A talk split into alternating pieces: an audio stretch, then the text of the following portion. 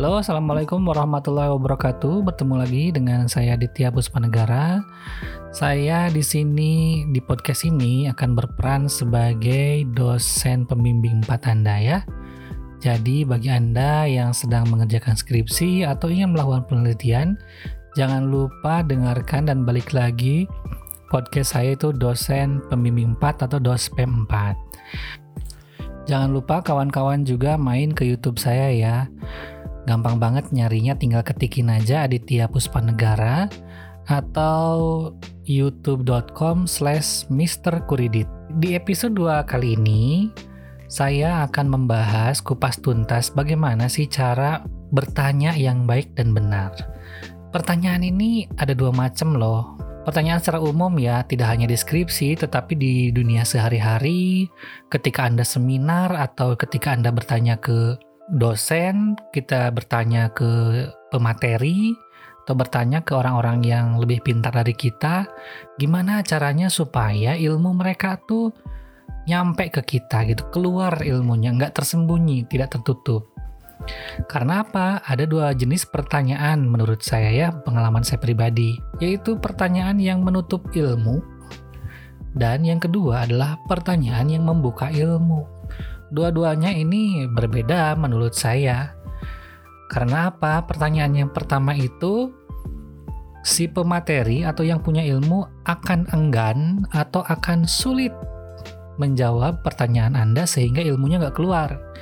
Tetapi ketika kita melontarkan pertanyaan yang membuka ilmu, udah jelas tuh pasti ilmunya akan tumpah ke kita. Minimal-minimal keluarlah poin-poinnya yang penting-pentingnya yang kita tanyain kita dapat gitu. Gimana sih contohnya pertanyaan yang menutup ilmu? Pertanyaan-pertanyaan yang menutup ilmu itu sebenarnya bisa sehari-hari kita temukan dalam keseharian kita. Kalau skripsi itu gini misalkan. Pak, tolong dong saya bingung mau neliti apa. Nah, itu adalah pertanyaan-pertanyaan yang menutup ilmu mau nge-WhatsApp, ngechat kayak gitu juga percuma, bingung juga gitu.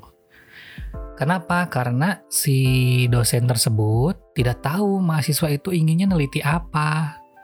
Maunya apa, topik apa yang dia sukai, topik apa yang ingin dia bahas, masalah apa yang ingin dia tuntaskan kan kita nggak tahu. Nanti dosennya nanya-nanya lagi, emang kamu neliti apa? Oh panjang urusnya, jadi nggak selesai itu adalah pertanyaan-pertanyaan yang menutup ilmu. Contoh lagi ya, misalkan nih, Kak izin tanya ada yang judulnya perspektif gitu nggak ya? Nah itu kalau saya di grup Telegram yang sekitar 2000 member, saya tuh ada tuh grup Telegram info skripsi, ada yang bertanya kayak gitu. Kak izin tanya, kalau misalkan judul skripsi itu harus selalu ada perspektif perspektif gitu ya? Nah itu juga saya bingung mau jawabnya gimana, coba perspektif itu apa maksudnya gitu. Karena apa? Karena tidak jelas duduk permasalahannya itu apa gitu. Ada lagi nih misalkan, halo selamat sore di sini ada yang pakai instrumen dokumen nggak ya? Kalau ada minta dong contohnya Nah maksudnya tuh instrumen teh apa di sini? Masalah kamunya apa? Kamu meneliti apa? Nanya instrumennya misalkan, saya ingin meneliti beban kerja. Instrumennya apa ya misalkan? Atau yang paling gampang deh, saya ingin mengukur berat badan. Kira-kira instrumennya apa ya? Oh, instrumennya pasti timbangan dong.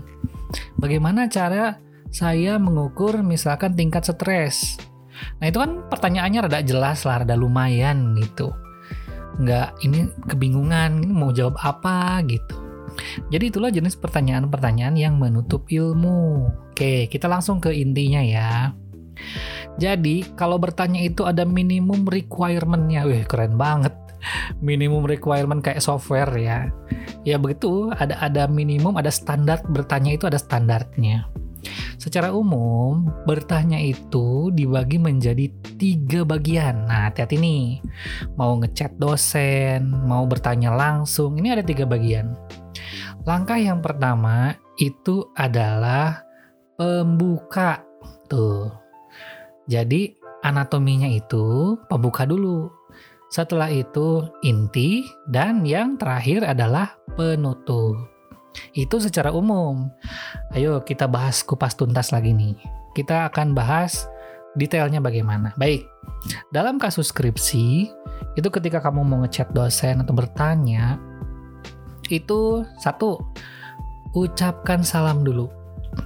Nah, kadang-kadang mahasiswa itu lupa ucapkan salam, assalamualaikum, gitu kan? Lupa kadang-kadang Pak posisi di mana? Nah, zaman now tuh, Pak, uh, saya mau konsul boleh enggak? Nah itu pertanyaan dan pernyataan yang uh, pertanyaan yang akan menutup ilmu udah kesal duluan gitu, sehingga ilmunya nggak bakalan keluar. Oke, ada lagi yang bertanya, setelah salam itu apa? Nah, itu adalah kondisi waktu. Jadi kalau kamu nanyanya pagi, ucapin dong Assalamualaikum, selamat pagi. Assalamualaikum, selamat siang. Assalamualaikum, selamat malam atau bagaimana gitu. Jadi perhatikan kondisinya. Ya, selanjutnya sebutin nama Anda. Nah, ini nih yang saya suka gemes gitu ya sebagai dosen pembimbing 4 di dunia maya gitu ya ada mahasiswa atau orang nanya itu nggak pakai nama gitu misalkan assalamualaikum selamat pagi pak hari ini kita janjian ya bertemu untuk bimbingan kan kata bapak minggu kemarin hari ini jam sekian kebetulan si dosanya lupa misalkan ini siapa ya gitu Nah, kalau nama Anda Ani, sebutkan dong Ani gitu. Nah, Assalamualaikum, selamat siang Pak, nama saya Ani. Itu loh Pak, temennya Roma misalkan. Nah, itu disebutin biar dia inget. Nah, setelah itu dalam kasus skripsi ini kalau ngecek dosen ya, setelah Anda menyebutkan salam, kondisi nama, itu kelasnya kelas apa? siapa tahu Anda berada di kampus yang kelasnya banyak gitu. Ada kelas A, kelas B, kelas C, dan lain-lain lah. Gitu. Sebutkan kelasnya. Yang selanjutnya, itu dosen pembimbing satunya siapa, pembimbing dosen duanya siapa, itu dijelasin. Biar dia ngerti, oh ini tuh si mahasiswa yang bimbingannya sama si Anu ya. Oh gitu.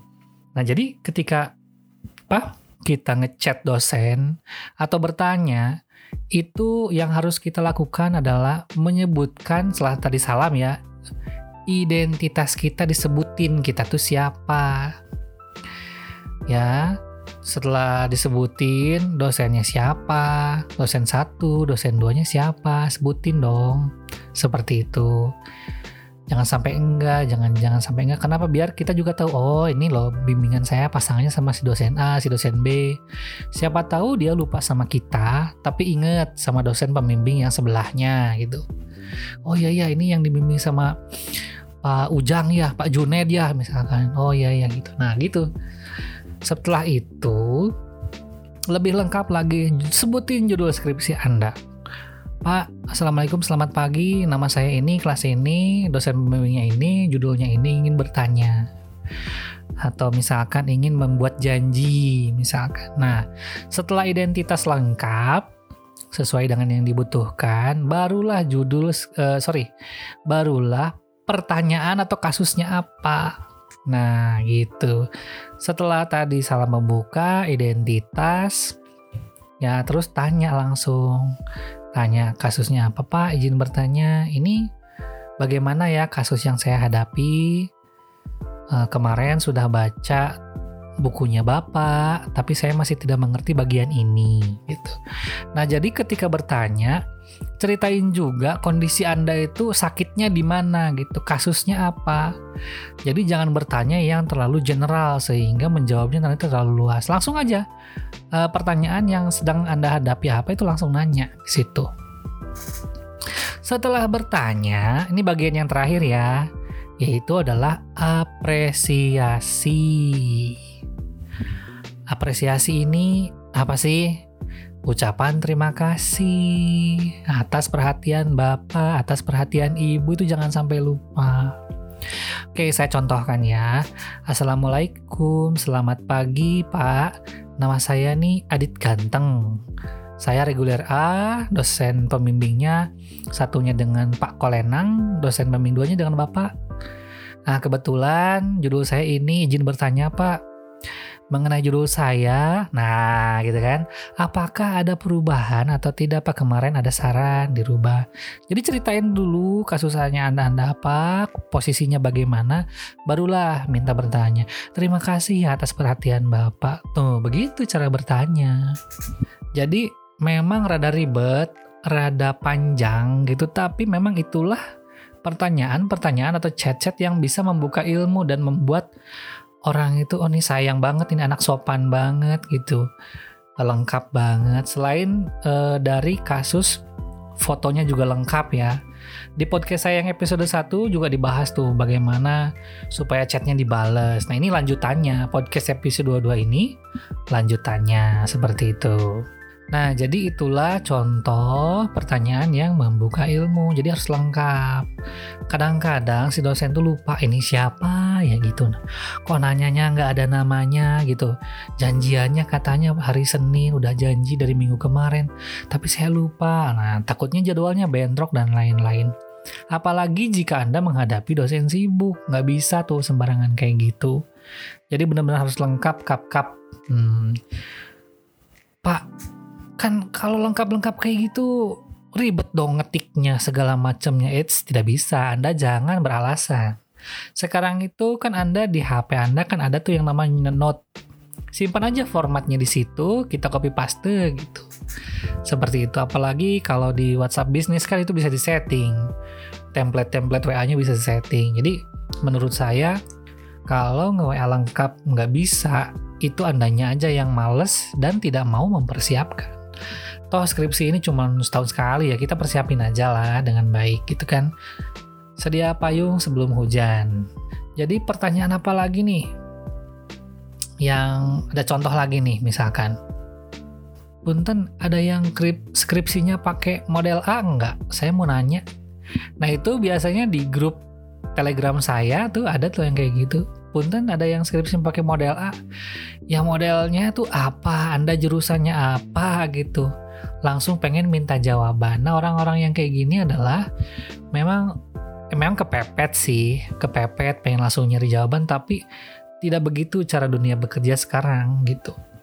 Kita fotonya harus harus jelas dulu, jelasin dulu kita jurusannya apa di sini.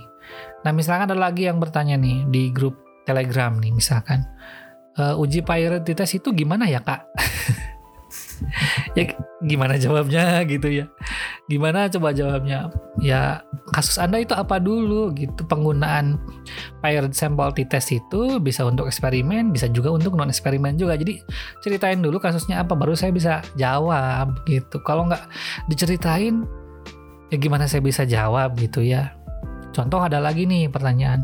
Izin bertanya dong kalau untuk uji hipotesis pengaruh itu menggunakan uji apa aja hmm, uji hipotesis, pengaruh, menggunakan uji apa aja. Nah ini kan gak jelas. Skala datanya Anda apa, penelitiannya apa, jurusannya Anda apa. Gak tahu bagaimana caranya menjawabnya. Begitu pula Anda ketika ikut seminar nih, misalkan ada seminar bisnis, misalkan. Pak pemateri, saya ingin bertanya, bagaimana cara saya memajukan bisnis saya? Nah, kira-kira keder nggak tuh si si pematerinya ditanya kayak gitu? Ya pasti keder lah gitu. Bagaimana cara ngejawabnya gitu. Pak gimana caranya saya memajukan bisnis saya? Ya bisnis Anda apa? Jelasin dulu kondisi Anda apa? Apa sih? Bagaimana sudah berapa tahun Anda berbisnis? Nah letak permasalahannya apa? Apakah proses rekrutmen uh, karyawan misalkan atau proses promosinya misalkan atau apa nih misalkan saya pengen online misalkan masalahnya apa gitu karena misalkan banyak sekali gitu. Nah, jadi kalau Anda ikutan seminar-seminar, lagi diskusi dengan dosen, lagi diskusi dengan siapa pun, kalau pertanyaan Anda nggak jelas, pasti akan menutup informasi. Bukan menutup informasinya bisa karena memang tidak tahu bisa karena ogah gitu males ngadepin pertanyaan-pertanyaan kayak gitu apalagi yang nggak sopan apalagi yang nggak ada etikanya gitu nah saya sebagai dosen pembimbing 4 Anda wajib mengingatkan kalau misalkan bertanya aja ada anatominya, ada etikanya, ada step by stepnya. Pak, dosen pembimbing 4, apakah memang harus begitu? Harus ada salam, harus ada kondisi waktu, nama, kelas, dosbing satunya siapa, dosbing duanya siapa, judul skripsinya ditulis, pertanyaan. Nah itu sebenarnya modifikasi saja, modifikasi saya saja pada kasus skripsi ini memang baiknya begitu lengkap banget. Tapi bukan berarti lebay ya. Silahkan disesuaikan dengan kondisi. Jadi nggak usah lengkap banget juga nggak apa-apa. Yang penting uh, kalau dosennya udah inget ya kita nggak usah ngejelasin lagi gitu. Misalkan udah inget banget nih sama kita udah seringnya pakai banget ngontak dosen sehingga nggak usah pakai identitas lagi. Karena nomornya udah di save misalkan kita foto profilnya bener wajahnya. Kita pakai jaket alma mater oh kan ada dosen yang ngajarnya itu di berbagai kampus. Ngujinya tuh di berbagai kampus. Nah saya aja dosen pembimbing saya waktu saya kuliah itu dari Jawa Timur ngebimbing di Jakarta nah ada lagi yang dari mana gitu yang dari Bogor ngebimbing di Jakarta dia kan dari kampus-kampus yang lain juga Nah, itu juga kita harus sadar betul dengan kondisi itu bahwa kalau bertanya kalau kita mengontak dosen itu harus jelas. Harus harus jelas, harus komprehensif apa ya? Holistik kalau manusia harus menyeluruh gitu ya. Ya. Oke, ini ada pertanyaan lagi nih misalkan. Pertanyaannya tuh di sini ada yang ngerjain tesis kah? ada yang nanya gitu di grup ya di grup telegram tuh coba gimana coba kalau misalkan kayak gitu tuh jurusannya apa ya nanyanya masalahnya apa gitu tuh nggak jelas nggak jelas banget jadi sekali sekali lagi di podcast saya yang kali ini setelah Anda mendengar podcast saya itu, kalau bisa Anda langsung praktekin lah. Langsung bikin template pertanyaan, mulai dari pembuka, langsung isi pertanyaannya, permasalahannya, dan penutupnya. Dan semoga ilmu Anda makin banyak, makin berkah gitu ya dengan mempraktekkan anatomi bertanya ini. Sampai jumpa di podcast episode selanjutnya ya. Wabillahi taufiq wal hidayah. Wassalamualaikum warahmatullahi wabarakatuh.